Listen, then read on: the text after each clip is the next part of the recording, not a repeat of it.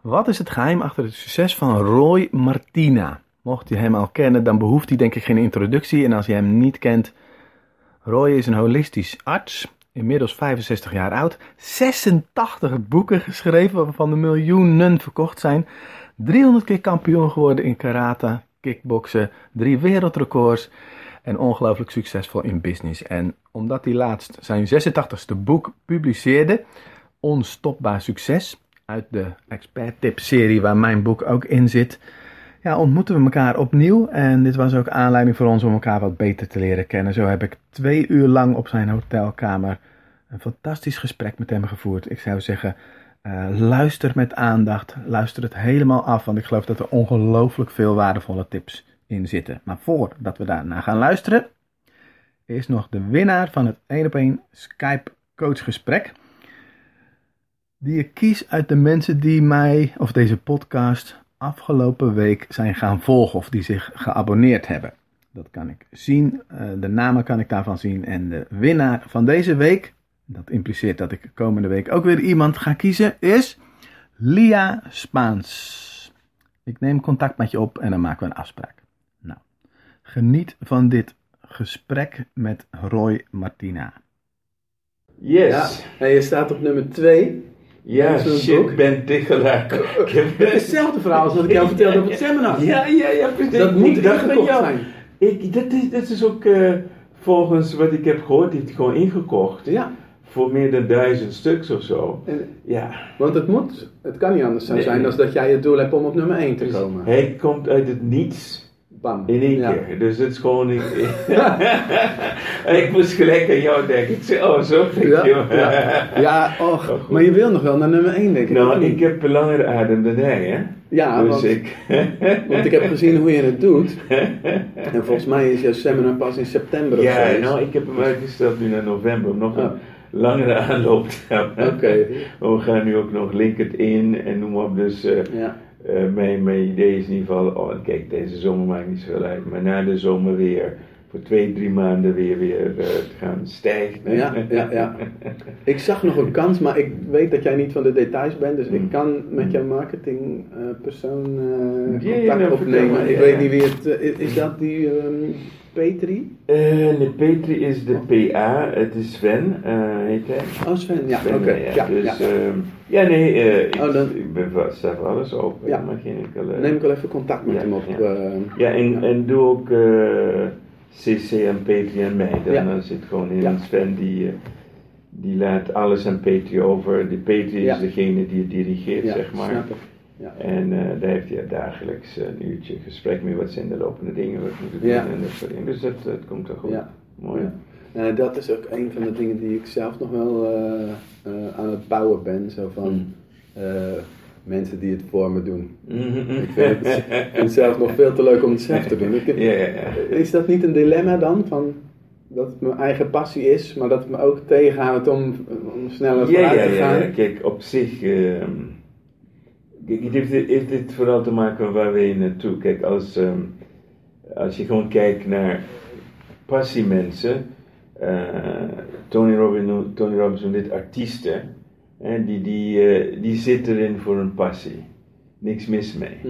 Maar dat is ook dat stuk wat je klein gaat houden. Ja, In, in, in die zin. En, en eh, wat ik heb geleerd, ook, ook van eh, on- ondertussen Wim, is dat, ehm wij, wij noemen de 3 D's, weet je, ehm, doe alleen de dingen die alleen jij kan doen. Mhm. Er zijn heel veel dingen die je leuk vindt om te doen, maar een ander net zo goed, beter kan doen, of ja. kan doen. Ja. Dus dat, dat allemaal delegeren en gewoon heel veel dingen deleten.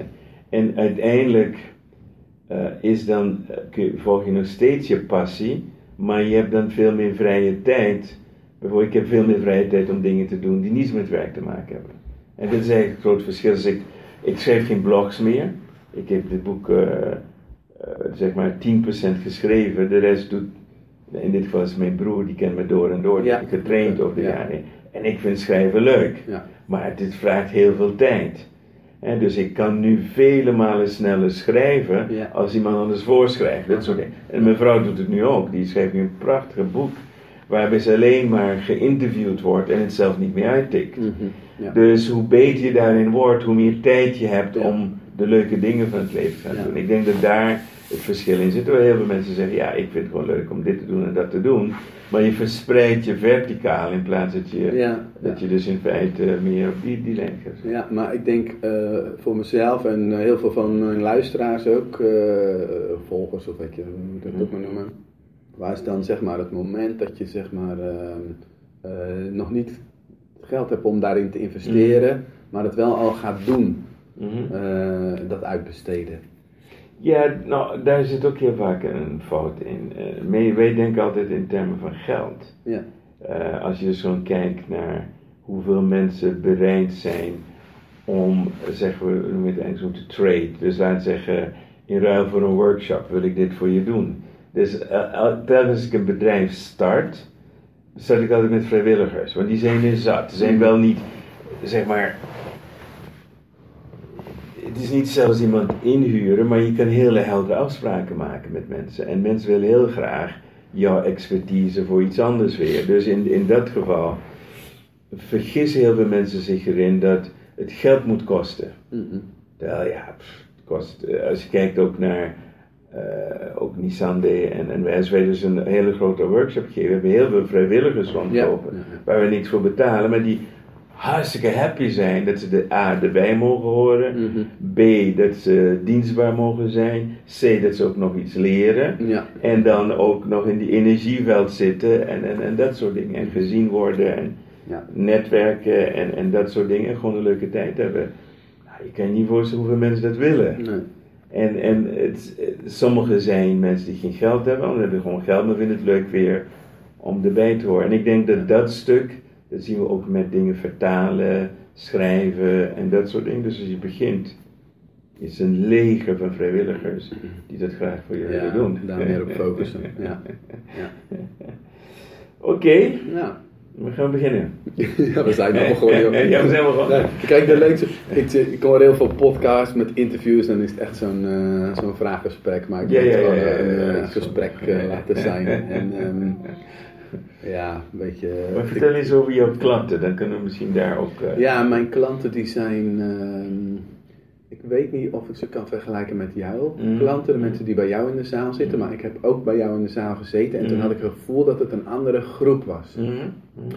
Dat bij jou meer eh, toch wat spirituele, Mhm. therapeutachtige mensen zijn. Mhm. En bij mij, ik noem het ze gewoon trainers en coaches en workshopleiders. Zit er dan een verschil in? Ik weet niet. Eh, het zit overlap in, denk ik. En het zijn eh, mensen die allemaal heel graag andere mensen willen helpen. En daarbij gewoon eigenlijk zichzelf ook vergeten. Ja. Vooral in termen van geld, denk ik. Dus dat ze het moeilijk vinden om geld terug te vragen. Ze herkennen zich heel erg in mij ook. Mhm. eh, omdat ik dat ook gewoon ben. Mhm. En, eh, het gaat beter, moet ik zeggen. Ik, bedoel, ik heb wel een paar keer mijn omzet eh, verdubbeld. dus, en zo kijken mensen ook wel naar mij. Ze lopen misschien een paar stappen achter. Mhm. In de zin van, nou over een paar jaar zijn ze misschien net zo ver als ik. Mhm, mhm. Maar ze vinden het vaak lastig om in actie te komen op de een of andere manier. Dus ik heb mezelf ook een tijd geprofileerd, geprofileerd als de implementatiecoach. Want ik Mm. weet nog dat die Sander die stond op het podium en toen zei hij, eh, ja tijdens de lunch stopte iemand een briefje in mijn hand. En toevallig stond ik toen met hem te praten, dus ik had dat zien gebeuren. En toen las hij dat briefje voor en toen zei hij van, ja Nisande, als je een implementatieprogramma gaat organiseren, dan betaal ik daar 10.000 euro voor. En wie vindt het interessant om zo'n programma te volgen? Weet je wel, arm omhoog. En dus ik zit op de voorste rij. En ik kijk naar achter en ik zie gewoon de helft van de zaal arm omhoog. Dus ik dacht, ja, daar is een kans voor mij. Dus toen heb ik diezelfde avond nog, website Implementatie Academy, in de lucht. En binnen twee, drie maanden had ik heel veel van die mensen die in die zaal zaten bij mij zitten. Want ik kom gewoon in actie, weet je wel. Ik, ik doe het gewoon. Ik zie een kans en dan eh, bam. Dus dat is, eh, ja, dat vinden ze lastig, want dan worden ze tegengehouden door techniek hoor. Ja, ja, ja, ja, ja. en allerlei andere beperkte gedachten. Ja, het is ook zo. dat Als, eh, als je praat over doelgroep, is het ook in- in- altijd een hele zeg maar complexe laten we zeggen, materie geweest van hoe ga ik mezelf profileren in de markt. Ik heb ondertussen zoveel verschillende profielen gehad. eh, ben begonnen, eh, mijn carrière is begonnen uiteraard als arts, als ehm, eh, zeg maar holistisch arts, acupuncturist, homeopaat, noem op. En dat heb ik een tijd lang gedaan en heel succesvol. Gehad in Nederland de grootste privépraktijk. En dat had ook te maken met ehm, wat ik toen nog niet wist over marketing. Aan de ene kant was het nog vrij onbekend. En uh, om mensen eigenlijk bekend te maken, begon ik lezingen te geven. Zo ben ik eigenlijk in het uh, circuit van public speaking terechtgekomen. En mensen gewoon vo van wat ben ik nu aan het doen. Want vroeger had ik natuurlijk geen internet en noem maar op. Ja. En het tweede wat ik heb gedaan, wat enorm succesvol was, was dat ik mensen garantie gaf. Kijk, in de geneeskunde geef je mensen geen garantie, want je weet het dus niet. Mm -hmm. En tegelijkertijd natuurgeneeskunde, en zeker in een periode, en, en ik denk dat nog steeds het geval is, dat wanneer het nog onbekend is, mensen zitten met heel veel vragen van, gaat het wel werken, gaat het niet werken, wat is dit voor mij? Uh, was ik de eerste en, en voor heel lang de enige die een garantie gaf. Bij mij was de garantie dat als je tien keer was geweest, want ik was voornamelijk acupuncturist, uh, en je hebt geen verbetering gevoeld of, of genezing, dan is de rest van de behandeling zou dan gratis zijn tot ik heb uitgedokterd waarom dat Ja, zo was. En in, in marketing noemen we dat natuurlijk risk reversal of risk removal. Nou, dat maakte eh, dat mensen overal vandaan kwamen, want ze wisten dat er een beperking was. Terwijl ik, eh, juist in die tijd waren de mensen jaren liepen bij homeopaat. En ja, het ging wel beter, maar toch niet, weet je wel, dat ding. En, en dat heb ik toen veranderd, met als gevolg dat ik de grootste privépraktijk had in, in Nederland. Ik had tien man in dienst, allemaal eh, professionals. En ik zelf werkte niet op afspraak, maar ik eh, kreeg alleen de patiënten die niet beter werden. Oké, ja. Als gevolg daarvan, eh, omdat ik ook geen tijdsdruk had, want ik kon gewoon, eh, als ik een patiënt, kon ik één uur, twee uur, drie uur, kon ik research doen, waardoor mijn kennis dus toenam, waar ik nog beter werd, nog beroemder, enzovoort, enzovoort. En nou, ik heb dat een tijd gedaan en op een gegeven moment ehm, ben ik eh, gestopt met praktijk, ben ik gaan in ontwikkelen van remedies. Toen ben ik vandaag les gaan geven. Zo is een hele verschillende fase in mijn carrière eh, geweest. En toen kwam ik Tony Robbins tegen. En met zijn firewalk. Welk jaar heb je het over? Dat is 19, eh, even kijken, 89, 88. Oké, dat is echt wel een beetje begintijd. Ja, ja, ja, ja, ja, ja. Hij was net aan het eh, stijgen als een raket met zijn vuurloop. Mhm. Dat was nog voor Chaka hier eh, Ja, de vuurloop Ja. ging doen. En wat ik daar zag, heeft mijn leven veranderd, want hij gaf les aan niet-artsen. Ik gaf alleen les toen nog aan therapeuten en artsen. En toen heb ik besloten dat ik dan dingen ging ontwikkelen voor, voor de leken, zeg maar. Dus en daar heb je dus verschillende groepen in. Je hebt dus de, de persoonlijke ontwikkeling, je hebt spiritualiteit, je hebt mensen die op zoek zijn naar heling voor zichzelf. En, en gewoon mensen die, ik noem het toeristen, die zijn gewoon een beetje aan het rondkijken. En als je nu naar mijn workshops kijkt, dan is het een hele gemengde groep. De laatste keer waren er zelfs allemaal tien van die jongeren liepen rond, van, vanaf eh, zes jaar. Ja, cool. Ehm, en eh er liepen ondernemers en ik heb de oude garde therapeuten, coaches en, en ook. Dus die overlap met je groep is er zeker. En waar ik nu meer naar eh, toe aan het groeien ben, is dus eh, meer eh, de mensen die ik nu echt wil helpen, afgezien van mensen die met gezondheidsproblemen zitten, is meer de kleine ondernemer, drie tot vijf man, die die sprong moet gaan maken naar, noem het, ik noem dat een echte bedrijf. Ja. En als je dan Ja. ergens tussenin zit, Mhm. je hebt eigenlijk, eh, hoe ik naar kijk, een aantal fasen. Je hebt fase 1, je begint zeg maar, je doet alles zelf. Fase 2, je gaat outsourcen. Fase 3 is, dan begin je mensen in dienst te nemen. En dan begin je op een bedrijf te lijken. Mhm. En dan heb je ook alle zorgen van een bedrijf. ja, precies. Daar willen we niet zijn. En eh, dus eh, salaris betalen, noem maar op. Ja. En eh, de grootste bedrijf die ik zelf heb gehad, al twee, twee maal, is dus ongeveer grootte van 25, 30 man, zeg maar. Omzet 5, 6, 8 tot 10 miljoen. Daar, daar zit mijn, mijn comfortzone, daarboven vind ik het niet meer interessant. En eh, ik ben ook geen bedrijfsleider. Ik, ik doe mijn ding. En, zoals je, en ik, maar ik wil wel een bedrijf hebben die ervoor zorgt dat ik alleen maar hoef te verschijnen. Dat is mijn plaatje, Ik zeg denk maar. dat veel mensen dat ook willen gewoon. Dat, Ja, ja. Gewoon, ik hoef nergens om, om te zorgen. Ik hoef niet eh, iets te vertellen over podium, over wat ik... Het is allemaal bekend. Eh, de marketing wordt allemaal gedaan en ik kom alleen mijn ding doen. Dat is uiteindelijk waar Mhm. ik wil zijn en dat bereik ik meestal ook. En nu ben ik zover in Nederland. We zijn pas in januari dit jaar gestart met eigenlijk een verzoek van mijn moeder. Die zei van ja, je moet iets gaan doen voor mensen betaalbaar. Dat was de opdracht. Nou, ik dacht oké, ik ga iets doen. Dan heb ik toen de kickstart gedaan. Groot succes. En nu heb ik eh, in feite twee bedrijven. Eén voor de leken, zeg maar. Dus de, en dat, eh, we hebben net over implementatie gehad. Dus een Ja. kick betekent kennis. Dus eh, implementatie met concurrentie is kracht. Dat is eigenlijk kick voor oh, dat wist ik niet. Dus dat is eigenlijk Ja. precies hetzelfde waar je dus over ja, hebt. ja. En de- wat ik mensen wil geven is eigenlijk de implementatietools. En je hebt dus daarin een hele, zeg maar, grote verscheidenheid van wat Tony Robbins doet of wat iemand anders doet. Kijk, op zich als coach, het feit dat je iemand gecoacht wordt, is eigenlijk voor de meeste mensen al voldoende. Het feit dat ze verantwoording moeten afleggen, is voor de meeste mensen voldoende om te doen. Het is eigenlijk, noem ik dat de kleuterklas. ja, want daar wil je gewoon vanaf toch eigenlijk. Precies, dus daarom noem ik dat de kleuterklas. Ja, Waar we naartoe willen is meer eh, zelfmotiverend en zelfrealisatie. En dus mijn truc dan is, geef ze de tools. Nou, wat zie je? Op maakt niet uit of het tools zijn voor je business of tools zijn voor je eigen ontwikkeling. Je ziet altijd dezelfde percentage. 80% vindt fantastisch en gaat naar huis, doet niks. Ja. Frustreert het, ja. Ja, ja, ja. ja. 20% die, die pakt het op. En daar zitten ook allemaal categorieën. Zijn altijd een klein percentage die het heel goed doet, fanatiek. Die krijgen de grootste verandering. De anderen die sukkelen vooruit. En die gaan. Dus dan zie je dat het ook niet perfect is. Dan ga je dus werken met, dan hebben we nu membership, dus hebben we Ja. dat. En dan krijg je meer implementatie. Hè, want de mensen ondersteunen elkaar dus ook.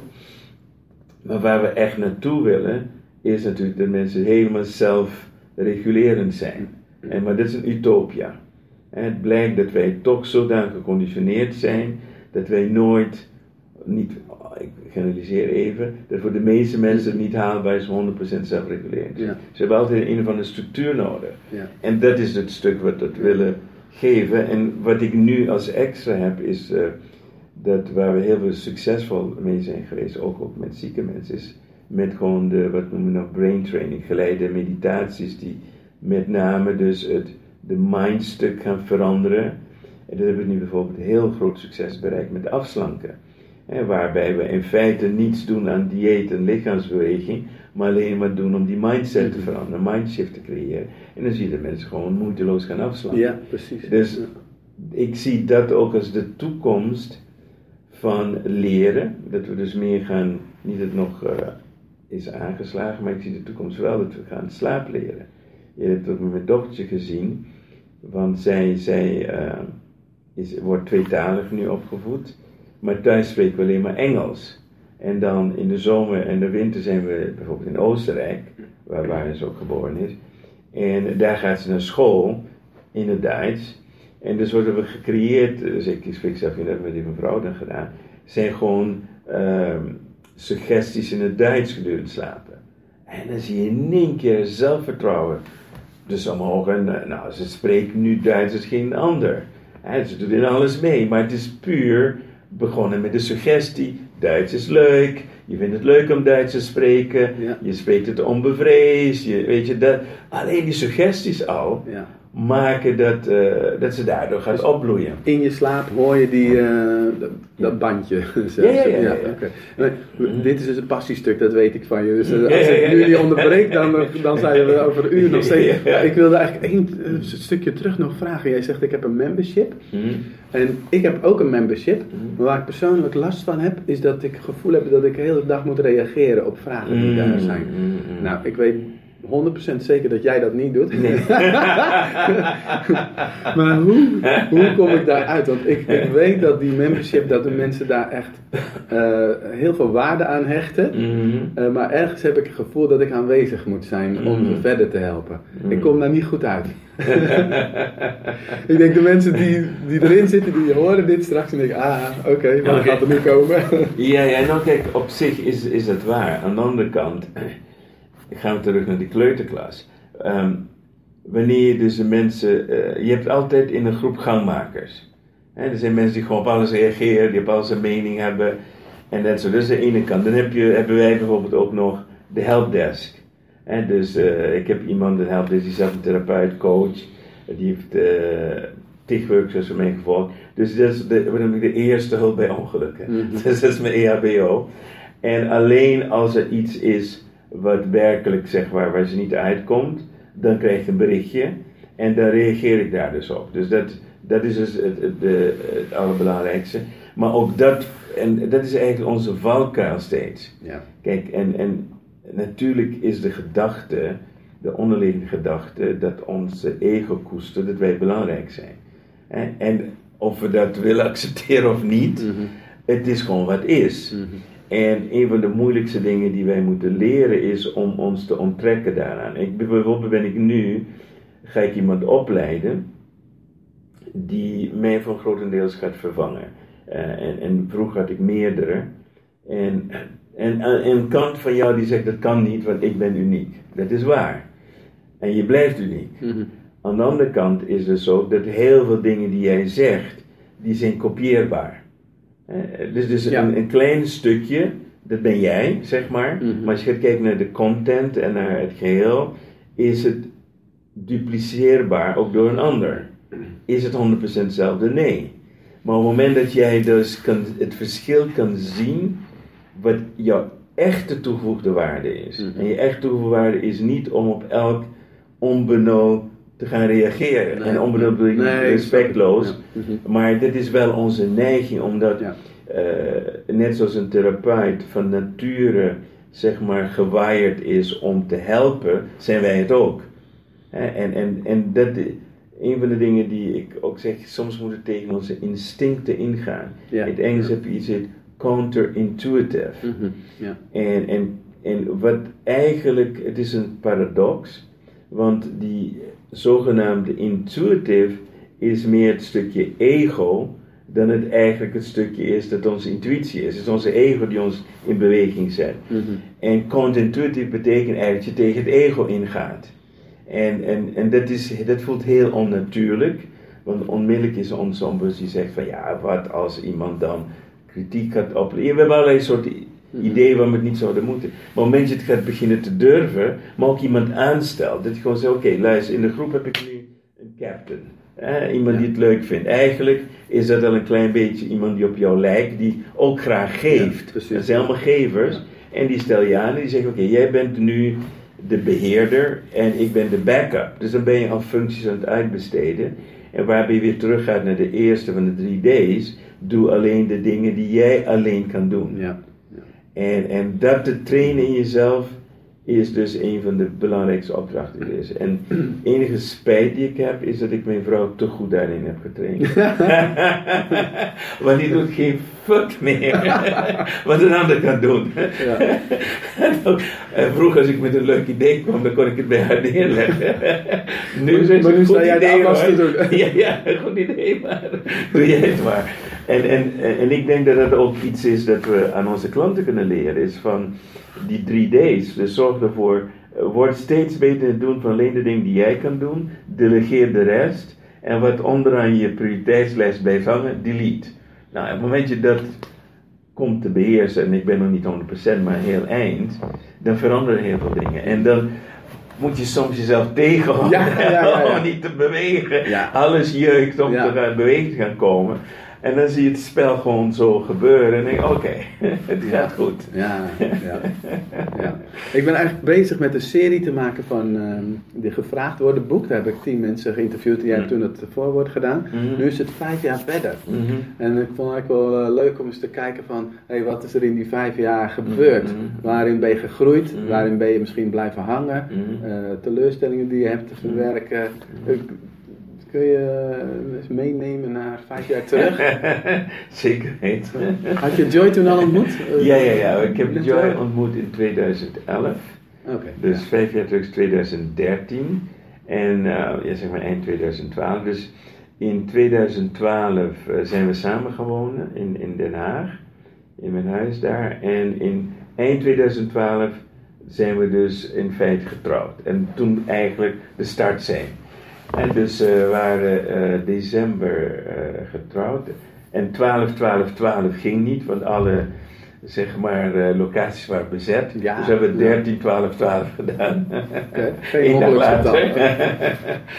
en uh, eigenlijk is, als ik dus terugkijk, is toen zijn we vanaf nul gestart. Ik heb uh, die, eind december 2012 mijn bedrijf gesloten. Want uh, het heette Roy Martin Experience, was niet te verkopen. En um, dus je moest het eigenlijk, de enige manier om het bedrijf te sluiten was het eigenlijk failliet te laten gaan. En dus het betekent dus geen, dus in 2013 geen nieuwe opdrachten, niks. En dus in feite gingen we failliet, terwijl we eigenlijk niet failliet waren, Ja, ja. omdat we hadden een voorraad alleen al dat groter was dan zeg maar wat we aan de negatieve balans hadden. Dus in, in principe was dat meer een, ik noem het een faillissement om het bedrijf te sluiten. Dat moest dus failliet laten. Ik heb ook de inboedel uh, dan weer teruggekocht van de curator.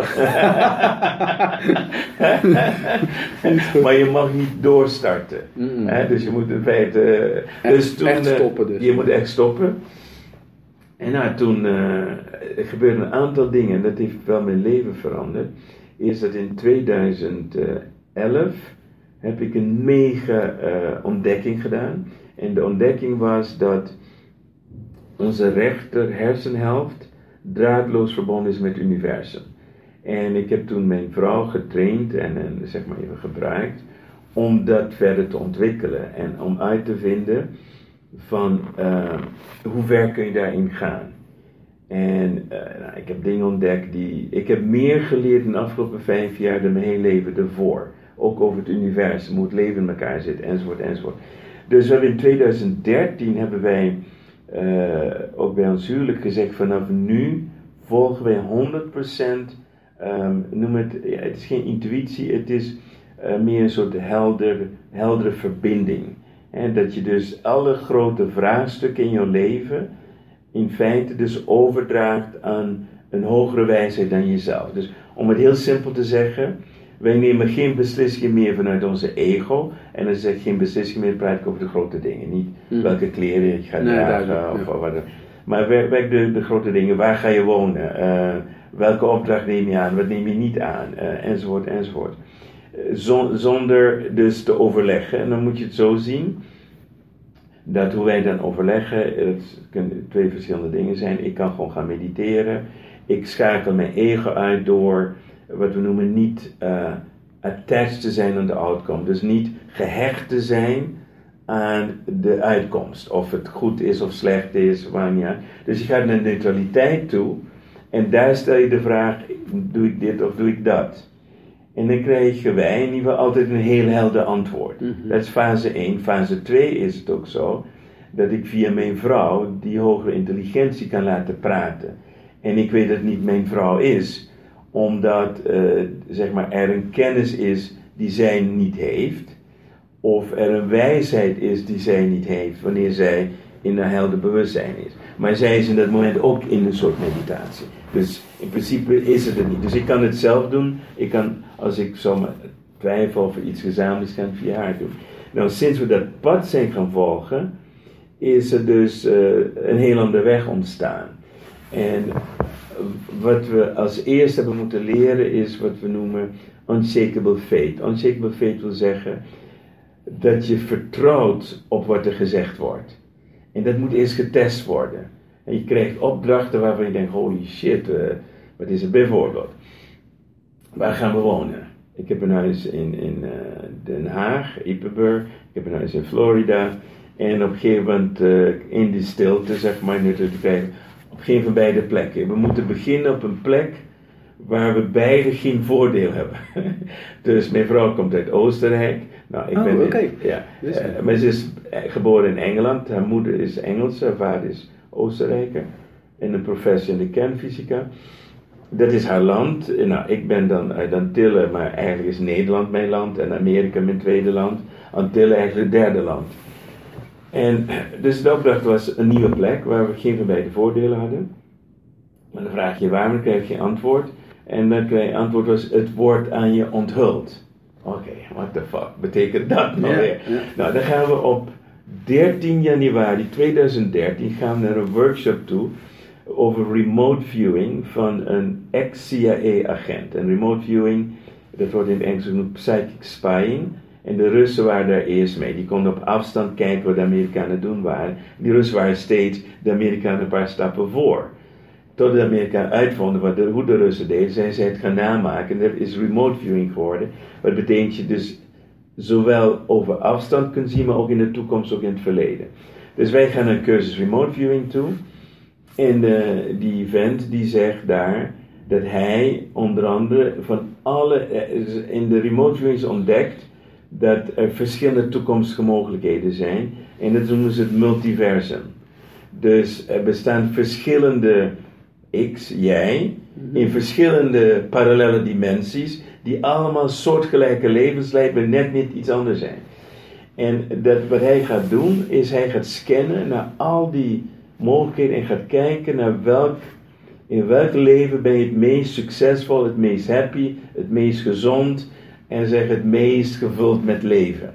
Nou, twee weken later, dus het eind januari, krijgen wij de uitslag Asheville, North Carolina.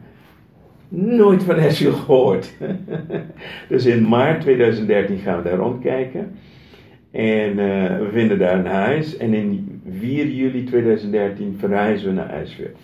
Dus, dus, zo begint het verhaal. Zo is, is onze nieuw leven eigenlijk begonnen vijf jaar geleden, 2013. Eh, dus nu net vijf jaar geleden, op 4 juli eigenlijk, dus we zijn nog een week te vroeg, uh, zijn we vertrokken naar Asheville. Heel nieuw leven begonnen.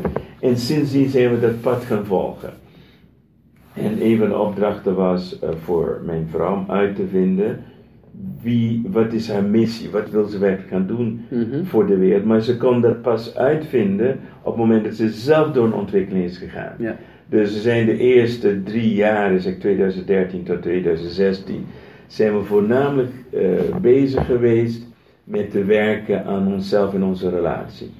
En om alle obstakels die wij ervaarden binnen onze relatie weg te halen. Dus elk conflict die wij meemaken, en dat, dus een conflict is gewoon een heftig meningsverschil waarbij beiden een positie innemen. Ik heb gelijk en je hebt ongelijk.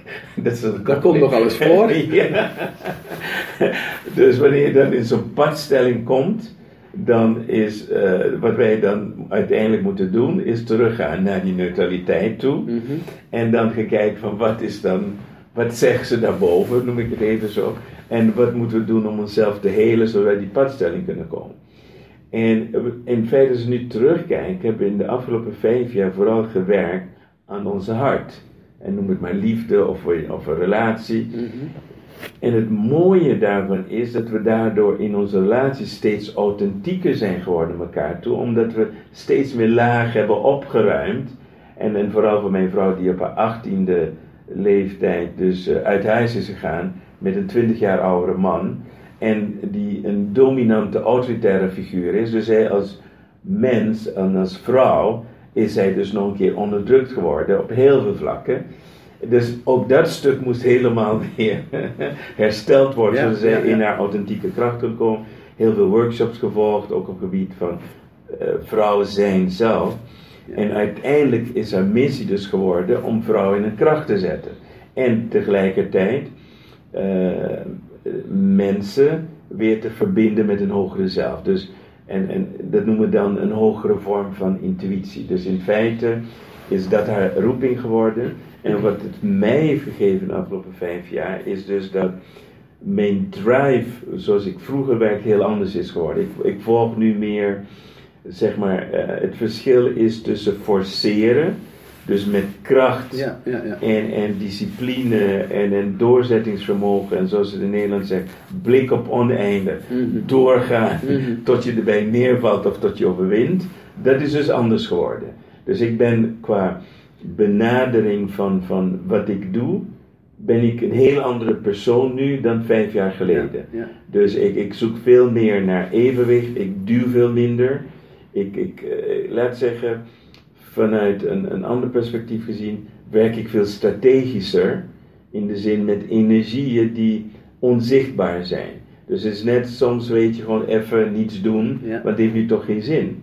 Ook, ook als je nu in Nederland weer opnieuw begint, heb je alle ideeën, die gaan dit Ja, doen, gaan ja. dat doen. En op een gegeven moment zie je me, begin ik dingen te schrappen, tot op een gegeven moment een bare minimum overblijft. En daar gaan we ons Ja. op inzetten, daar zetten we mijn team dus ook op in. Hm? Hoe ziet zeg maar, jouw nieuwe discipline er dan nu uit? Want ik zag in jouw boek nog wel, ik kan het niet citeren uit mijn hoofd, maar Mhm. alleen nog wel motivatie, passie en zelfdiscipline komen goed tot uitdrukking in de 58 jaar dat ik actief ben in de krijgskunsten. 300 gewonnen kampioenschappen, dacht ik echt van wow. Maar is, is er nu een soort van nieuw soort discipline? Ja, ja, dus eh, als, als we gaan vergelijken met ehm, de sport, met mijn eh favoriete sport is natuurlijk eh, karate en, en dat soort dingen. Ehm, da- daar is natuurlijk discipline, voor mij was het geen discipline, het was gewoon passie. Hè, dus wat de ander ziet als moeten, heel vaak wordt, wordt discipline gezien met moeten, met, met weerstand, terwijl het niet, dat niet waar is. Discipline kan ook heel veel plezier zijn.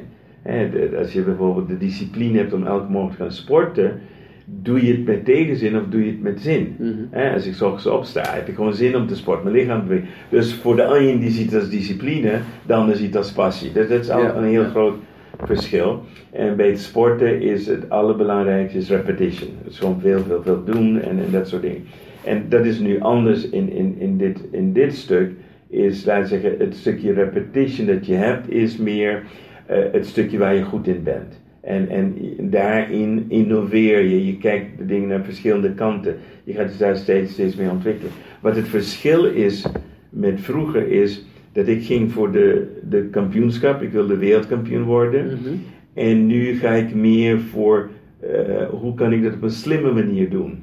En, en hoe kan ik het doen on, in, in Engels zeggen, on my terms. Ja. En, en, en my terms is ehm, heel veel vrije tijd, dat is nummer één. Eh, tijd voor mezelf, tijd voor mijn gezin, tijd voor, voor, voor, voor dat soort dingen. En steeds effectiever worden in hoe ik werk. En dat betekent ook, afgezien van de drie D's, komt een ander woord erbij. En dat is leverage. Dus leverage betekent, en dat is een van de mijn belangrijkste sleutelwoorden, is als je gaat kijken naar passief inkomen, dat is een manier van leverage. Je doet iets eenmalig Ja. en dan eh, wordt het zoveel keer herhaald. Ik heb bijvoorbeeld eh, remedies in 1990 gemaakt die nog steeds royalties opleveren. Dat is een, een bepaald soort Ja. leverage. Maar als je gaat kijken naar leverage in alles wat je doet. Hè, dus als je eh, een blog schrijft, hoe kan ik die blog bijvoorbeeld leveragen? Nou, een- manier kan zijn dus iemand met SEO te laten doen, dit en dat, tar en dat soort dingen. Maar het is een vraag van, oké, hoe kan je, kan je het repurposen? Dus hoe kan je al die blogs bijvoorbeeld weer in een boek gaan uitgeven? Ja. En, en dat soort dingen. Dus je gaat veel meer manieren zoeken om slim te gaan werken op allerlei andere manieren. Een andere manier van leverage is bijvoorbeeld, ik ga nu me meer richten op ondernemers. Ik heb iemand gevonden als project manager die onbetaald het werk doet, in, maar als leverage heb ik dat als er, wanneer er geld komt, krijg je een percentage. Ja. Wat vele malen meer zal zijn dan wanneer ze een uurtje factuurtje berekent. Mhm. Ehm, dus dat zijn allemaal de, de dingen van leverage. Ook, ook met geld, kun je geld leveragen en, en dat soort zaken. Dus, eh, dus ik, ik voel me nu veel meer strateeg. Maar ook daardoor, maar ook een geduldige strateeg. Ik, ik heb de, de illusie van tijd namelijk losgelaten. Kijk, eh, ik ben nu 65, maar ik realiseer me dat ik nog minstens 50 goede jaren heb. Als ik doorga met Ja, doen wat ja, ik dus ja. doe. Dus die urgentie van te moeten presteren in een bepaalde tijd heb ik dus niet. Of ik dit jaar, zeg bijvoorbeeld, een, of ik dit jaar een miljoen maak met wat ik doe in Nederland of niet. Het is een doel, het is een leuk doel, of Ja. ik het haal of niet. Daar zit mijn druk dus niet. Ik, ik pas heel goed op om niet meer deadlines te creëren die ik zelf creëer, waar ik zelf last van heb, Ja. zelf onder ga lijden. Heb je ook geen gevoel meer dat je ergens in gefaald hebt daardoor? Een van mijn dingen die ik heb gedaan is, eh, ik heb een heel beperkte vocabulaire. Het falen zit er niet bij. Nee, falen bestaat eigenlijk niet. En, en, en, en daarvoor wil ik je met name het uitleggen vanuit de enige perspectief dat echt belangrijk is, is namelijk waarom zijn we hier op aarde? En als ik, als ik je eh, het volgende zou vertellen. Als jij met het idee van falen in je hoofd terugreist naar het moment dat je geboren bent en je zou dezelfde attitude hebben over falen als je nu zou hebben, als baby zou heel veel dingen zou je niet meer doen. Je zou niet meer lopen. Maar nadat je duizend keer gefaald hebt om te kunnen lopen, zou je zeggen: fuck it, Ja. lopen is niet voor mij. Mhm. Dus wij ontwikkelen een attitude over falen, maar we worden niet geboren met een attitude over falen. Het- Als baby bestaat er geen falen. Als baby bestaat alleen maar, ik ga net zo lang hiermee door tot ik het me lukt te doen wat ik wil doen. Of dat Ja. is eten met een lepel, of dat is lopen of kruipen. Ja. Er is geen falen. En op het moment dat ik het als, als ik het woordje falen vervang met leerervaring, en als je dan leerervaring, eh, zeg maar, linguistisch goed toepast, en je zou het herkaderen tot iets positiefs, en, en dus je hebt een ervaring waarvan je leert, als je daarvan leert, ontstaat de wijsheid, klaar. Ja. Ik ben nu een oude wijze man, zeg ik even. Omdat ik juist heel veel in sommige mensen ook gefaald heb. Maar mijn wijsheid komt juist door die ervaring dat ik nu weet welke dingen voor mij werken en wat niet werkt. En Ja. ik kan alleen maar uitvinden wat niet Ja. voor mij werkt. Nou, als, als Ben Tichelaar nou op nummer 1 blijft staan en jij op nummer 2, dan is dat geen falen, maar misschien wel teleurstelling of... Nee, nee, nee. Ik, ik heb, kijk, eh, het leuke is, ik heb heel veel van Ben Tichelaar gehoord. Ik heb hem nooit gezien, dus ik ben twee weken geleden ben ik voor het eerst naar Ben Tichelaar geweest. En dat ging over veranderen in één dag. En eh, op zich, eh, was op zich heel leuk als leuk is iemand die heel snel powerpoints kan lezen en eh, ongeveer door zo'n kleine 200 powerpoints gaat. Ik ben eh 2,5 uur ben ik weggelopen. ik vond er geen fuck aan. Het was echt. Veranderen in één dag is de grootste oplichterij in titel die je kan Mhm. verzinnen. Want het gaat helemaal niet over veranderen in één dag. Het gaat over dat hij jou gaat vertellen in één dag over veranderen. Wat een heel andere suggestie is dat je kan veranderen in één dag. Ik ging daar echt naartoe. Nou, ik wil weten hoe je in één dag verandert. Maar ik, ik doe dit al jaren.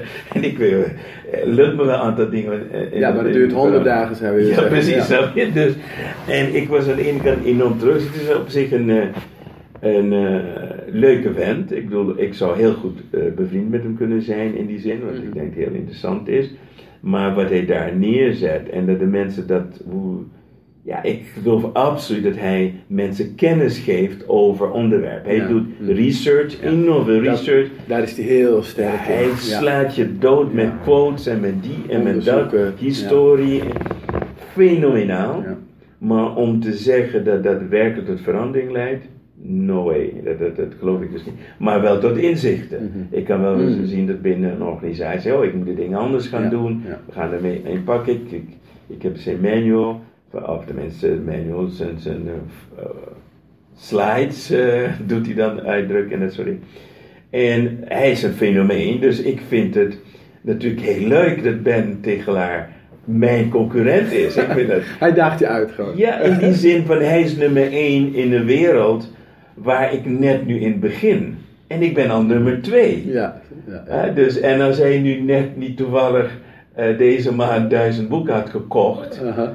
dan was ik nummer 1. Snap je? Dus in, in dat opzicht vind ik het fucking interessant dat ik dan Ben Tichelaar weer tegenkom. En nu meer weet over hem en, en zijn reputatie en dat soort. Dus ik vind het op zich een hele prestatie om uit het niets op nummer 2 te komen, zeg maar even. Ja. Mhm. Zo waarbij de nummer 1 Ben Tegelaar is. Nou, ik vind het een eer om naast hem te mogen staan. Dat is nummer 1. Zo is het. En, en nummer 2 is het zo, het spel is nog niet afgelopen. Dat klopt. We zijn net begonnen. En één maand nummer 1, dat zegt mij nog niks. Ik heb wel eens een jaar 1 gestaan.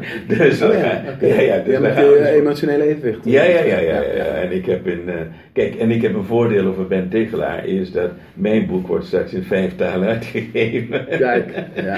Dus, is dit boek heb je het over dan. ja, ja, ja, ja. Maar Dus. Dat, dat is dan weer eh, de beperking om alleen in Nederland, zeg maar, iets, iets te doen. Terwijl, eh, ja, dit komt in Chinees uit, Italiaans, Duits, Engels en noem maar op. Hoe doe je dat? Is dat gewoon een kwestie van eh, delegeren, Ja, eh, vertalen? Ja, ja, Hoppakee. precies. Dus je hebt, je hebt sowieso. Ik heb nu een, eh, van een eh, bevriende journalist.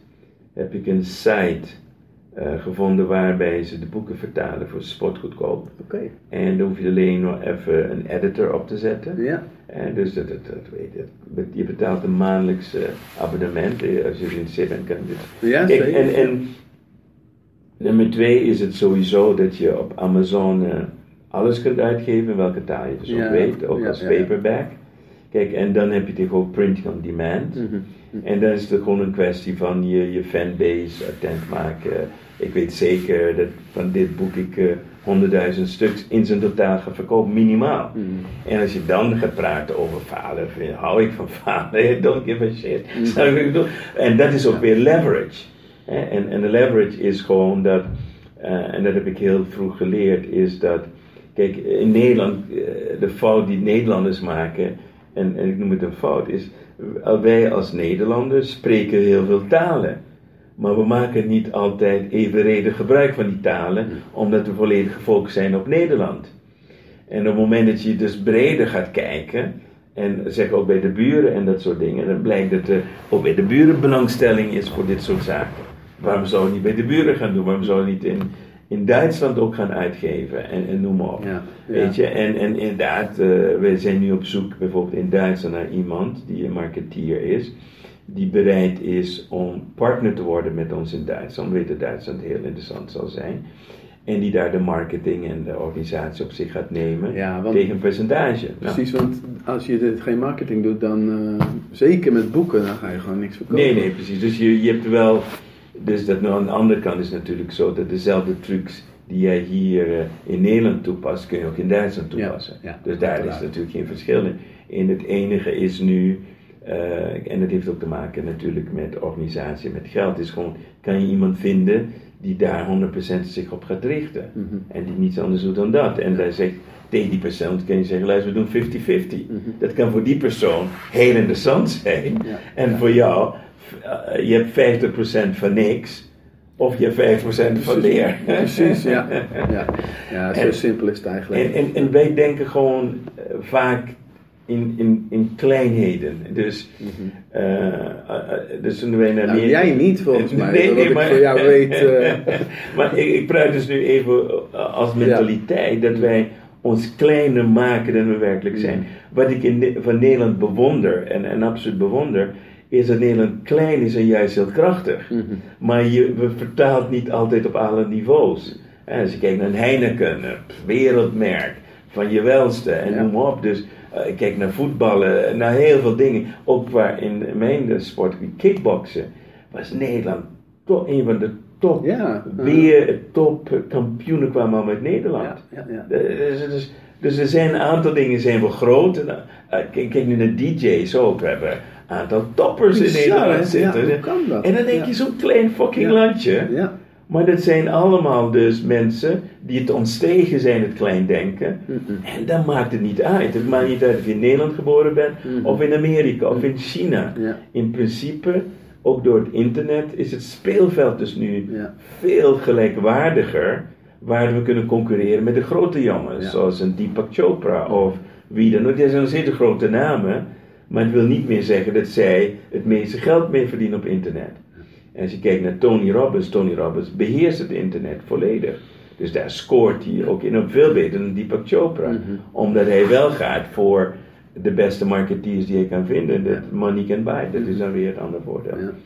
Dus dat is eigenlijk, eigenlijk dus, ja, Ben Tichelaar nummer 1, dat is leuk. We zullen in september zien of Ja, ja, ja, is. ja. Ja, ja, nou, ik krijg altijd het gevoel dat het wel gaat lukken. Dus Kijk, 30 dagen zijn voorbij, dan zakt hij. En jij gaat gewoon door natuurlijk. gewoon Dus, eh, ja, Ik begin pas. precies. Ja. Nee, ik ga zeker ook even helpen om eh, mensen even op te roepen om, eh, om eh, naar je seminar te komen. Of sowieso om het boek te kopen. Dus eh, ja, ik heb... En het is een goede deal. Kijk, als je, als, Ja. kijk en, en terug naar die implementatieverhaal. En dat is precies het verhaal hierachter weer. Is natuurlijk van, hé, hey, een boek kopen, lezen is dan één ding. Maar ga je het ook echt toepassen is weer wat anders. En, en, en dat wil ik graag de mensen cadeau geven. En, en natuurlijk vanuit het systeem dat wij kennen, zijn er altijd mensen die dan meer willen. Kijk, en in feite verdienen we geld met die kleine groep mensen Ja, die zeggen van ja, eh, volgende stap. ja, kijk, een dag voor 20 euro is leuk, maar ik ben geïnspireerd om de volgende stap te gaan maken. En, daar, en ik vind dat de mooiste formule die er is, want die kan nu veel meer mensen helpen. Ja, En, en, maar jouw, zeg maar, jouw profit, jouw winst zit in het kleine stukje dat met jou verder wil dansen. Ja. Dat is eigenlijk, Ja. dat is eigenlijk alles. ik weet, ik moet nog iets bekennen. Misschien was ik daarom ook al hier. Eh, ik had in tweede, jij bent in februari 2015 in Nederland geweest. Mhm. Dus we hebben het over die periode van de afgelopen vijf jaar. Mhm. Toen had ik op dag één heb ik dat boek, eh, mijn boek zeg maar, waar je voor geschreven had, eh, aan je gegeven. En op dag twee deed je een upsell waar ik het echt helemaal niet mee eens was. en, nou, je had een of ander raar geldsysteem of iets dergelijks. En je zei van volgend jaar zijn jullie allemaal miljonair. Mhm, mhm. En ik dacht, Oh, ja, het over dat de Gladiators Mind, ja. ik- Ja, nee, je had een, dat was een deel. Ja, ja, ja. Maar daarnaast was er nog een van een geldsysteem of iets Mhm, dergelijks. En ik was een soort van, ja, ik, ik, ik meen zelfs boos over dat je, dat, eh, dat je dat noemde. Want ik, ik heb zelf ook, dat is al wel langer geleden, een jaar of acht geleden, dat ik in die geldsystemen ging zitten waar je dan 10, 20, 30 procent rente per dag eh, Right, kreeg. mhm. En ik dacht, waarom, eh, waarom noem je dat nou? Waarom eh, doe je dat? Dus toen had ik echt een beetje boosheid van, eh, Mhm. shit, eh, dat heb je toch niet nodig man? Nee, niemand heeft het echt niet zo. Kijk, ehm, het- is een heel interessant verhaal, in ieder geval voor, mijn- van mijn kant, is... ehm, wat ik heb gedaan toen, is... eh, ik zag dus een aantal mensen die daar met het stukje trading heel veel geld verdienden. En wat het interessante daarvan was, dat het met een heel lage inleg kon. Dat was nummer één. Mhm. Tweede is, met beleggen is het altijd zo, zelfs een risico. Ja. Dus ik heb toen in mijn wens, en die wens heb ik nog steeds, en die ga ik zeker waarmaken. Ik wil een hele grote groep mensen echt helpen om financieel vrij te zijn. Dus ik heb een groot deel van het risico op mij genomen. Dus ik heb gezegd, luister, als je daarin investeert, krijg je van mij, zeg maar, in ieder geval de korting op het andere stuk. Ja. Dus je loopt Ja. echt geen risico. Dat is meer, meer het verhaal om, om dat te doen. Is het achteraf geweest het best wat ik heb gedaan? Absoluut niet. Ik bedoel, kijk, in feite, ik zelf heb er geen fuck aan verdiend. Het was geen upsell Mm. in, in waar ik rijk van ging worden. Het was meer iets van, dit is een kans die ik aan jullie wil geven. Ik zit bijvoorbeeld nu in, in investering in de cannabishandel in Canada. Oké. Wat eh, enorme upside kan hebben. Mhm. In, in de zin dat je 1000% winst kan maken Ja, het is binnen een jaar. gemaakt, hè? Dus ja, ja, precies. week, geloof ik. Ja, en, en goed. En je hoeft niet, hoeveel investeer ik? We praten over 2000 euro. Maar dat kan over een jaar wel een miljoen zijn, of over twee of over drie jaar. Mhm. En in de toekomst ga ik dit meer doen eigenlijk, omdat in oktober geven wij een training, remote viewing, waar ik net over heb gehad, aan minstens 600 mensen, waarschijnlijk 1000 of meer. En ik wil daar de 50 beste uitnemen en die ga ik verder trainen, omdat je met remote viewing kun je de toekomst bekijken. En dan moet je dus, het, en, en nu is hoe ik uiteindelijk weet hoe ik mensen rijk ga maken. Is namelijk dat wanneer we 50 mensen hebben die naar de toekomst kunnen kijken, kunnen wij de volgende bitcoin zien aankomen. Aha, oké. Snap je? Ja. Waarbij het mijn, mijn idee, want er zijn meer dingen die ik met die groep ga doen. En mijn idee is dan tegen mensen luisteren, over een paar jaar gaat dit scoren, stop nu hier 100 dollar in. Nou, wat is 100 dollar? Kun je je voorstellen dat 100 dollar nu een kwart miljoen wordt binnen twee jaar. Mhm. En, en op het moment dat je daar dus ook. eh, er is iemand die dit reeds doet, eh, die ook een remote viewer is, die altijd het systeem toepast. Ik ken hem persoonlijk. En hij is ook als enige, een van de weinigen geweest in ieder geval, die Trump in 2012 al heeft voorspeld die zou gaan winnen. Had hij gezien. De andere remote viewer heeft de tsunami in Japan zien aankomen, op televisie ook verteld, over een kernreactor. Dus je hebt helderzienders, dat zijn mensen die zogenaamde spirituele gaven hebben. Ja. En je hebt mensen die dus een systeem hebben geleerd, bijvoorbeeld remote viewing, en die werkelijk de toekomst kunnen zien. Er zijn in Amerika een aantal die al meer dan zeven keer de loterij hebben gewonnen. Dus die dingen zijn dus mogelijk. En de andere kant is dat we kunnen rampen voorspellen. En dat is waar we naartoe willen gaan. En de derde is, we kunnen informatie uit de toekomst halen naar het nu, waardoor we het innovatieproces kunnen versnellen. Dus ik heb daar echt heel veel belangstelling. En samen met mijn vrouw willen we in de toekomst ook mensen gaan waarschuwen. Er gaat een ongeluk, weet ik wat gebeuren, vulkaanuitbarsting, zus en zo, dit en dat. En op een gegeven moment krijg je eerst in het begin lacht iedereen. En dan komt het uit, dan gaan mensen opletten. En op een gegeven moment, wanneer het betrouwbaar is, kun je dus heel veel mensen helpen. Ja, ja. En ja, je experimenteert. Ik bedoel, dat, dat, dat is waar. Zo'n mensen worden in dit geval gepikeerd. ja, dat was ik echt. De vraag is, heb je dit nodig? Nee, ik heb het niet nodig. Maar de intentie, Mhm. dus je moet daar kijken naar de intentie daarachter, Ja. is de wens. En, en mijn, mijn, mijn grootste wens is dat er meer mensen komen, net zoals wat Nissan dus zegt, conscious millionaires. Mhm. Ja. En, voor mij is overvloed betekent dat wij een grotere verantwoordelijkheid ne- innemen of aannemen dan alleen voor onszelf zorgen. Ja. En wij zitten te vaak in wat ik noem, of te veel nog in het egoïstisch stuk. Ik heb het goed en I'm okay. En niet van de wereld is oké, I am okay. Mhm. En waar we als mensheid naartoe moeten, is we are okay. Mhm. En daar zijn we nog lang niet. Ja. En dat heeft te maken dat we allemaal op ons klein eilandje zitten en, en, en proberen onze eigen ding te doen. En ja, en net zoals je zegt, je probeert dingen uit. Ja. Sommige dingen werken, sommige dingen werken Nee, niet. ik, en ik voelde een intentie nu ook zeker wel. eh, maar op dat moment had ik echt zoiets van, wat doe je nou? Weet je wel, dus, eh, en ik las, maar het heeft ook heel veel met mijn eigen geldmindset en eh, Tuurlijk, de opvoeding die ik heb meegekregen. Niet om dat de schuld te geven, maar Mhm. ik ben dat een beetje aan het bestuderen geweest de afgelopen jaren. Mm. Nu toevalligerwijs, af en toe me- dan lees ik weer eens wat. Zoals gisteren las ik dan weer wat van eh, iemand die schreef van... eh, ja, maar als jij nou, eh, nou ja, miljoenen verdient...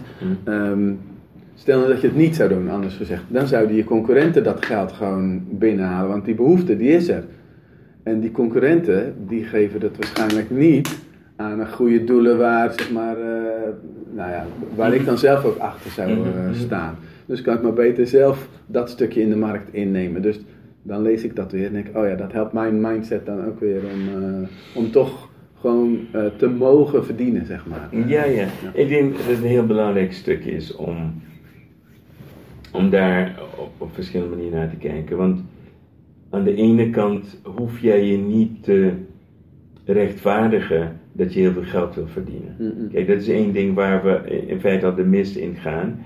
En dat heeft te maken met het feit dat wij leven in een maatschappij waardoor, waar mensen gewoon in feite al een negatieve opinie hebben over iemand die heel veel verdient. Dat is één, één, stuk. En de mensen die die opinie hebben zijn allemaal mensen die, ik noem het even zo, zelf die mogelijkheid niet voor zichzelf zien. En omdat zij niet weten hoe zij het moeten doen, gunnen ze het eigenlijk een ander niet. En dat, dat bet- betekent dat heel vaak wij voelen dat wij ons moeten rechtvaardigen als we heel veel geld moeten verdienen. Nummer één, rijke mensen, een van de dingen die je leert van rijke mensen, daar hebben ze scheid aan. Hè, daar hebben ze totaal geen boodschap. What the fuck I do with my money Ja. is not your fucking business. Mhm. Even om het heel recht eh, door zee te zeggen. En dat is de eerste mentaliteit die je moet gaan ontwikkelen. Dat jij je niet hoeft te rechtvaardigen naar niemand Mhm. dat jij geld verdient. Op wat manier dan ook. Want dat is het stuk dat je met jezelf moet één één worden. Ik, ik, ik kom uit, eh, ik zeg niet arm, maar wij zijn lage middenstandfamilie.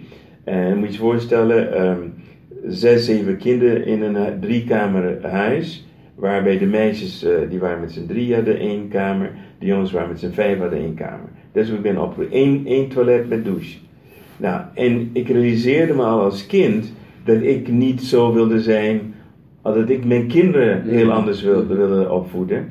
En niet hen, eh, zeg maar, als je op het toilet zit, dat er al geklopt wordt, want dan is er file. Op, ja. Ochtends is er file voor het toilet. ja. Want je dan ben je met z'n, afhankelijk van welke fase we zijn, met z'n achten éénzelfde toilet gebruiken. En, en tanden poetsen tot en met alles eraan toe. Dus, en als ik nu kijk naar hoe ik leef, en ik heb nu een huis met negen toiletten, alles bij elkaar, en zes douches en acht kamers en, en noem maar op, en heel groot eh toes- Ja. En daar voel ik, wauw, nu hier, voor mij zijn de toiletten de luxe, meer dan, Ja, ja, dan het groot stuk terrein, weet je wel. Ik heb een oprijlaan van een kilometer. Maar het, ging, het begon toen. Dat, dat, dat, dat ik vijf, zes jaar was en besloot, voor mij zal het anders zijn. Dus ik hoef niet te rechtvaardigen aan niemand Mhm. ja, dat ik in luxe leef. Hè? Dat is mijn, dat is mijn ding en dat moet jouw ding zijn. Wat veel belangrijker is voor ons en voor iedereen, is om je eigen historie te gaan beschouwen waar jij jouw waarden en normen Mhm. en geloofsovertuiging van Ja. hebt. En dan heb je een, voor een groot deel van je ouders en, en hoe je bent opgevoed. Ja. En, en mijn waarde was van het harde werken. Mijn moeder, dat was gewoon een professionele, eh, noem het, eh, moeder. Hè? Met acht kids, dan, dan kun je gewoon niks anders. job. Ja, 100%. En de andere kant is, ik, ben, ik hou van luxe. Daar kan ik niks aan doen, natuurlijk kan ik er wat aan doen. Mhm. Maar als je mij vraagt van, eh, wil jij met een rugzak, weet je wel, rondtrekken voor een maand? Dan zeg ik nee, ik trek liever rond van de vijf luxe ja. En liefst laat ik me rijden. Ja. Je? Maar wel rondreizen in ieder geval. Ja, ja, natuurlijk. Ik hou van reizen, niks mis mee. Eh, dus moet je dat nu gaan verantwoorden aan iedereen? Zeggen, ja, ik Mhm. eh, wil eh, eerste klas reizen en ik wil dit en ik wil dat. Mijn dochtertje reist business class als hij naar Oostenrijk gaat. Nou, en mogen mensen daar een opinie hebben? Natuurlijk mag men daar een Mhm. opinie hebben. Mhm. Dat zal ik nooit kunnen voorkomen. Maar niemand kan mij beschuldigen dat ik iemand heb opgelicht voor geld. Ze kunnen, over, ze kunnen me charlatan noemen, maar ik weet dat ik nooit iemand heb opgelicht. Dat is, dat is mijn Ja, belangrijkste waarde. Dat hoe ik mijn geld verdien, dat ik in de spiegel kan kijken en trots ben dat ik zoveel mensen mag helpen. En dat is mijn enige rechtvaardiging. En of ik nou schoenenverkoper was geweest, of auto's, of, of doe wat ik doe, dat had geen verschil uitgemaakt. Dus, en dat stukje moeten we allemaal voor onszelf uitvinden. En dan is de volgende vraag die je stelt: hoeveel luxe verdraag je? Dat is ook een vraag. Ja. Nou, hoeveel luxe verdraag je? Verdraag jij het? eh, kijk, ik heb niet nodig om een chauffeur te hebben. Maar als ik in Nederland ben, dan denk ik wel eens: ja, ik heb geen zin om auto te gaan rijden. Ik zou nu graag een chauffeur willen hebben. Ja. mhm. Weet je, dus ik heb al iemand die ik af en toe inhuur. Gewoon als ik heel, la- heel veel in de auto moet zitten, hey, wil jij niet voor mij rijden? Betaal ik persoon goed. En dan word ik rondgereden, kan ik ontspannen, kan ik uitrusten, kom ik er wel fit aan. Want de, het gaat nog steeds om effectiviteit. Dus als ik reis, krijg ik nog steeds net zoveel e-mails als ik thuis ben. Dus ik ben veel effectiever als ik in de trein zou kunnen zitten, Ja. mijn mails kan doen, of achter in de auto mijn mails kan doen. Dus er zijn allemaal vragen die je zelf wil gaan stellen. Daarnaast komt de volgende vraag daarna voor mij. Hoeveel wil ik bijdragen aan, aan een betere wereld? Hoeveel verdraag ik om te geven? Mhm. Is het 10%? Is het 20%? En naarmate je meer hebt, blijkt dat er meer mensen minder verdragen om weg te geven. Ja. Dus als jij 10 miljoen per jaar verdient, kan jij nog steeds 1 miljoen weggeven. Hè, want in één keer wordt dan 1 miljoen Ja, heel veel ja. geld. Nou. Terwijl als het een ton is, 10.000 is veel, maar in je hoofd is het kleiner. Ja. Terwijl bij 10 miljoen heb je een- die 1 miljoen minder nodig dan die 10.000 nodig hebt bij 1 ton. Precies, ja. Dus heel veel mensen komen zichzelf steeds op nieuwe niveaus tegen. Mhm. Mijn vrouw die heeft als missie om de grootste vrouwelijke filantroop te worden ter wereld. Dus ik zeg, ja, dat betekent dat ik een van de rijkste mannen ter wereld moet worden. Ja, dat kan niet. Ja. Dus zij inspireert mij. Dus ik ga bijvoorbeeld in november naar Oeganda en ik ga een aantal acties voor haar doen. En de vraag is, hoe- hoeveel ga je meenemen? 1 ton, 2 ton, een een kwart miljoen? Dat is dan meer. Ja. De vraag, hoeveel kunnen we geven? Ja, ja. En, en dat zijn allemaal stukken in onze eigen ontwikkeling. Mhm. Dus eerste, ik hoef me niet te rechtvaardigen. Tweede, hoeveel luxe verdraag ik? En dan komt het allerbelangrijkste, hoeveel kan ik geven aan... hoe gehecht ben ik aan geld. En er is geen oordeel, er is alleen maar een ontwikkeling in je eigen zelf. En, en nu mijn vrouw zegt van ja, ze wil de grootste filantroop worden ter wereld. Zeg, oh, dan ga ik een van de rijkste mannen worden ter wereld. En dan is de vraag van, eh, niet eens de eerste vraag is niet eens hoe, maar mijn eerste vraag is hoe ziet dat eruit? Mhm. Het is meer van, wat voor leven heb je dan? Ja. En we hebben bijvoorbeeld besloten dat het huis dat we hebben, dat het altijd ons huis zal hebben. Ongeacht hoe rijk we worden, voelen we ons rijk te hebben. Dat wil niet zeggen dat we niet een ander huis erbij kunnen hebben, maar dit wordt ons huis. Dit, dit blijft ons huis. En eh, verder is het voor ons meer, we hebben al het leven dat voor ons ideaal leven is, Ja. buiten werk en, en ontspanningstijd.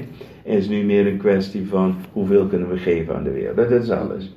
En dan is voor mij nu de vraag van hoe creatief ben ik in dat proces. En ik heb je vorige keer ook verteld, ik ben bezig met de nieuwe geneeskunde. Ja. Zien met die piramides en Ja. al dat soort dingen. De, en daar zou best eens kunnen worden dat de weg is naar volledige financiële vrijheid. eh, miljarden gaan daarin om. Misschien is dat de weg, ik weet het niet.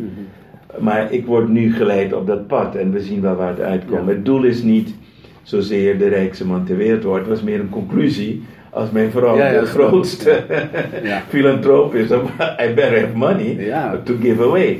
En, en dat vind ik wel mooi aan de aantal miljardairs nu, dat zij een pledge maken van wij willen het meeste weggeven Mhm. voordat we doodgaan. En dat vind ik een van de mooiste bewegingen bij de rijke mensen die Ja. plaatsvinden. Zeker. Ja. En dan andere terug dus naar het stuk met geld. Dat zijn de dingen waar ik, zeg maar, hoe ik met geld bezig ben om ook mijn grenzen steeds verder te verleggen in wat ik mezelf toesta om te verdienen, wat ik mezelf toesta om te hebben, maar ook wat ik mezelf toesta om weg te geven. En, en, en ik vind het een heel mooi spel, omdat ik heb ontdekt ook bij mezelf dat het, naarmate die bedragen groter worden, dan, dan zie je ook dat, oh, dan ga je slikken. Ik heb net aan mezelf gewerkt en een mega blokkade die ik niet eens wist dat ik had. Mhm. En de blokkade had te maken dat ik er trots op was dat ik eh, voor de afgelopen 30, 40 jaar bijna niets aan belasting heb betaald. Dat Ik ben eh, een, een kei in het uitzoeken van hoe je dat spelletje dus speelt. Allemaal legaal, by the way. Eh, ook de Nederlandse Belastingdienst heeft niets bij mij kunnen halen. Maar ik heb dus net verleden week ontdekt dat het ook een blokkade was. Omdat ik zo gebrand was om eigenlijk geen belasting te betalen, beperkte ik mezelf in de groei. Mhm. Hè, dus Ja, je gaat veel uit of zo, of eh, investeren. nou, het, het heeft meer te maken met het spelletje, hoe je dat internationaal speelt. Dus bijvoorbeeld, ehm, eh, wij, wij werken op een dusdanige manier dat wij een salaris hebben. Dus we- of we nou 1 miljoen of 2 miljoen of 10 miljoen, voor ons salaris blijft hetzelfde. Dus eh, dat is de ene kant van, van. Aan de andere kant zijn er allerlei verschuivingen mogelijk met wat we noemen intellectual property. Dus dan kun je naar een land toe brengen waar je 2 tot 3 procent belasting betaalt. Ja, ja. En, en die kan dus afromen, legaal, noem maar op, en dat soort dingen allemaal. Maar tegelijkertijd beperkt het je, want ik wil steeds op nul uitkomen. Ja. Maar waarom? Nou, dat vond ik leuk spel. Ja. En dat begon met de Nederlandse belastingfiscus. Dat toen het eerste jaar, toen ik meer dan een miljoen verdiende in mijn eerste jaar als acupuncturist. En dat zij dus eh, zeiden van ja, wacht even, eh, wat je helemaal aangeeft, dat klopt niet. En ik moest gelijk een strijd met de Belastingdienst aangaan. Dat drie jaar heeft geduurd. Ik heb altijd gewonnen, daar ga- gaat het niet om. Maar toen besloot je, wacht even, ik ga dit spel nog beter spelen. En toen ben ik in eh, fiscaal recht gedoken, belastingen, internationale belastingen, eh, wat we noemen die tax havens en al dat soort dingen allemaal. En dan heb ik systemen bedacht. Waar zelfs mijn accountant heel veel van. Mijn accountant leerde daar nog wat van. maar op een gegeven moment eh, zit je te veel in het spel. En moet je ook het spel weer loslaten. En dan moet je zeggen: oké, Ja. Maak je uit. Ja, je dus je gaat belasting betalen. Misschien.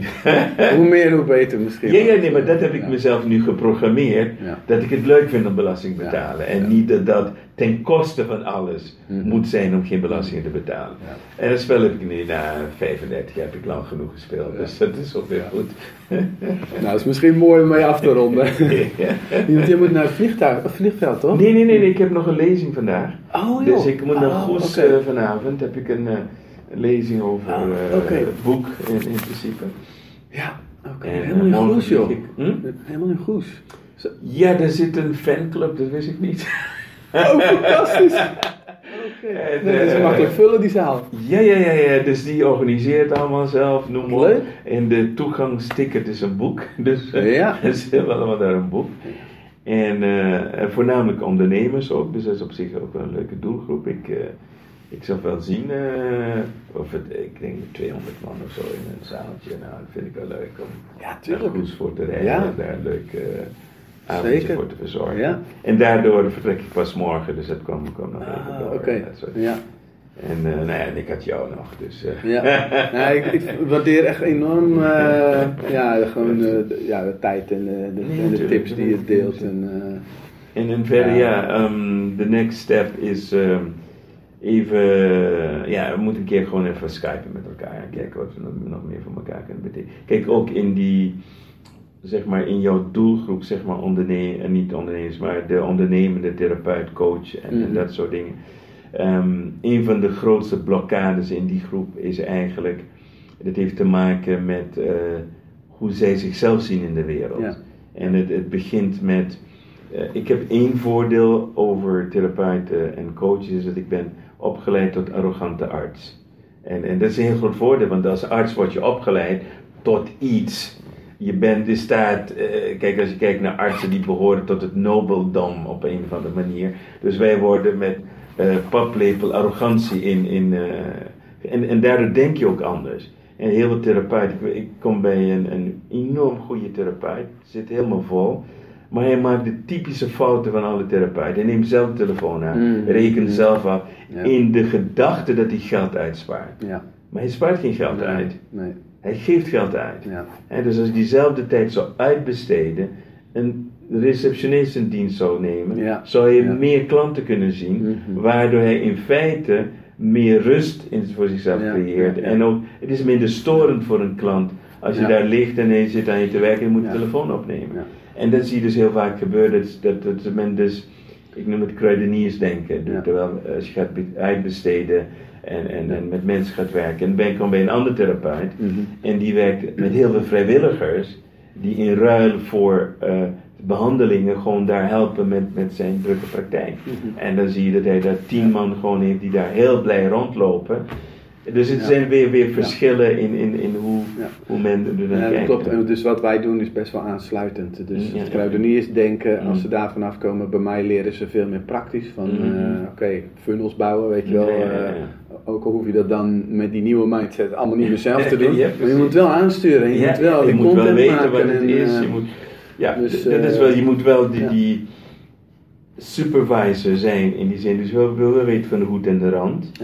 Je wil, wil ook wel weten van eh, wie ben jij in jouw eh, authenticiteit. eh, van waar sta je voor. Je wil weten van welke klanten vind je, vind je het meest aantrekkelijk om, om te behandelen en, en dat soort Ja. dingen. Dus voor, voor een therapeut is de nieuwe tijd een hele interessante tijd van ook naar zichzelf te kijken. Mhm. Heel veel dingen die vroeger Ja. gewoon gebeurden, dat, dat gaat niet meer. Want nu krijg je een van de gek die roept intermittent fasting en die, die sleept alle klanten nu weg Ja, bij jou. En een precies. ander die komt en die roept weer wat anders, weet Ja, je wel. En, ja. eh, carb loading of God knows what. Het is de ene trend naar de ander. Ja. En we leven wel in, in een tijd waarbij degene die het hardst eh, weet te schreeuwen of het meest geluid wil te maken, wel de meeste aandacht krijgt.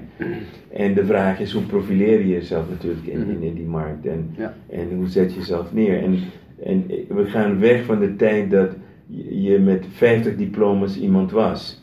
Nu kun je met één diploma iemand zijn. Je kan Zonder zonder, diploma, ja, iemand bedoel, zijn. ja. Je hebt dat niet meer nodig. Ja. Je moet alleen maar weten hoe je jezelf goed neerzet. Precies. Ja. En, en helaas betekent ook dat mensen met minder kwaliteiten, minder ervaring en minder goede resultaten, maar betere marketing, veel verder komen en veel meer geld verdienen. Ja. En dan kun je boos worden, Mhm.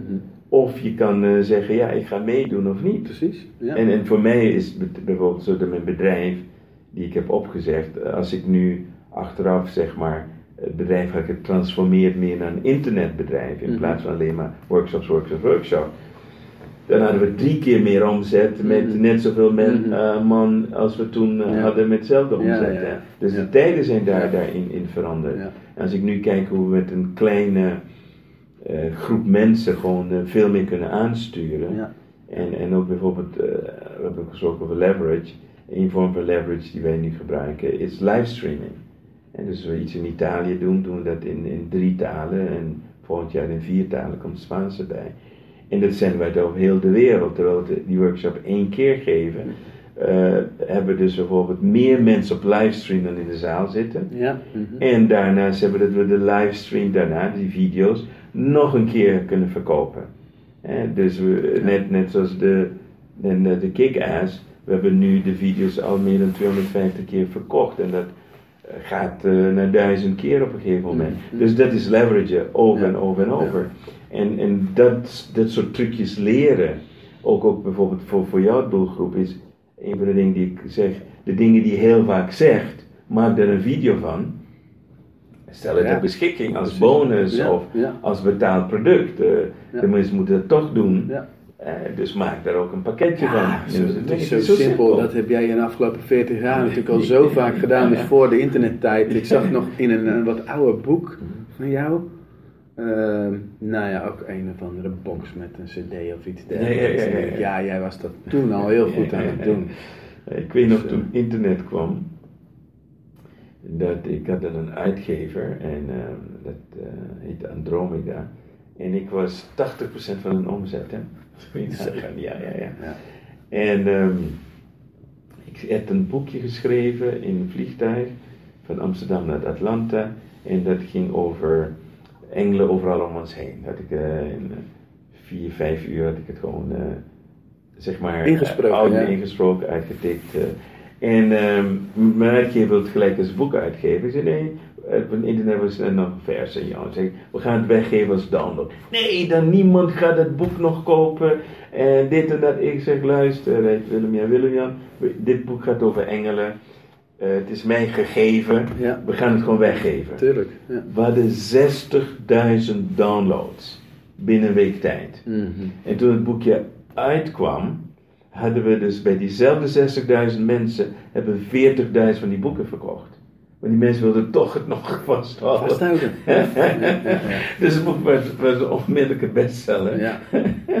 Terwijl het alles tegen inging, dat mag je dus Ja. niet doen. En het boek is ondertussen, eh, ik weet niet, eh, meer dan een kwart miljoen van verkocht en, en eh, gedownload en noem maar op. En, en zo zie je weer dat leverage dus werkt. Het is gewoon een kwestie van het begint eigenlijk met durven. het besluit om in dat vliegtuig eh, je Ja. voice recorder heette dat toen denk ik aan te pakken en het gewoon in te spreken. En, en in feite, ze dat vaker zouden doen.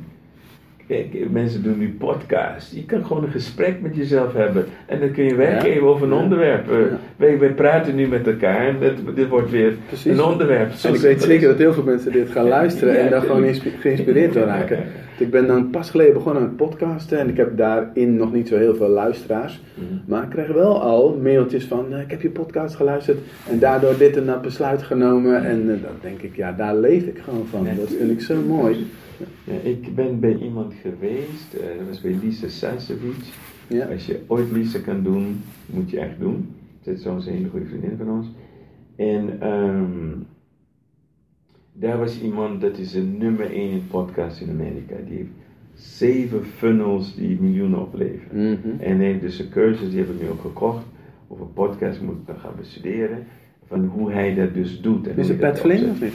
Huh? Pat Flynn? Nee, Nee, nee, de Dumas heet hij, Dumas. Oké, zeg maar. En, ehm, maar je kan, kan je daar de wat gegevens over sturen, op zich heel interessant. En, en, en, en ook hij, hij heeft dus ook funnels opgebouwd in zijn podcast. Mhm. Van hoe hij dat dus weer gebruikt voor, voor om mensen weer in andere dingen te brengen. Ja, ja. Tot en met de cursus op een podcast toe, hè? Ja, ja. ja, want dat ga je dan krijgen. Ja, dus ja, en, en ik geloof ook dat. eh, eh, ja, vroeger hadden we dan in de auto's hadden we CD's, weet je wel. En daar zaten we in, eh, ik we noemen het toen University on Wheels. Zaten we dus in de auto allemaal te luisteren. En nu is het podcast of wat anders. Ja. Dus wat betreft verschuift het.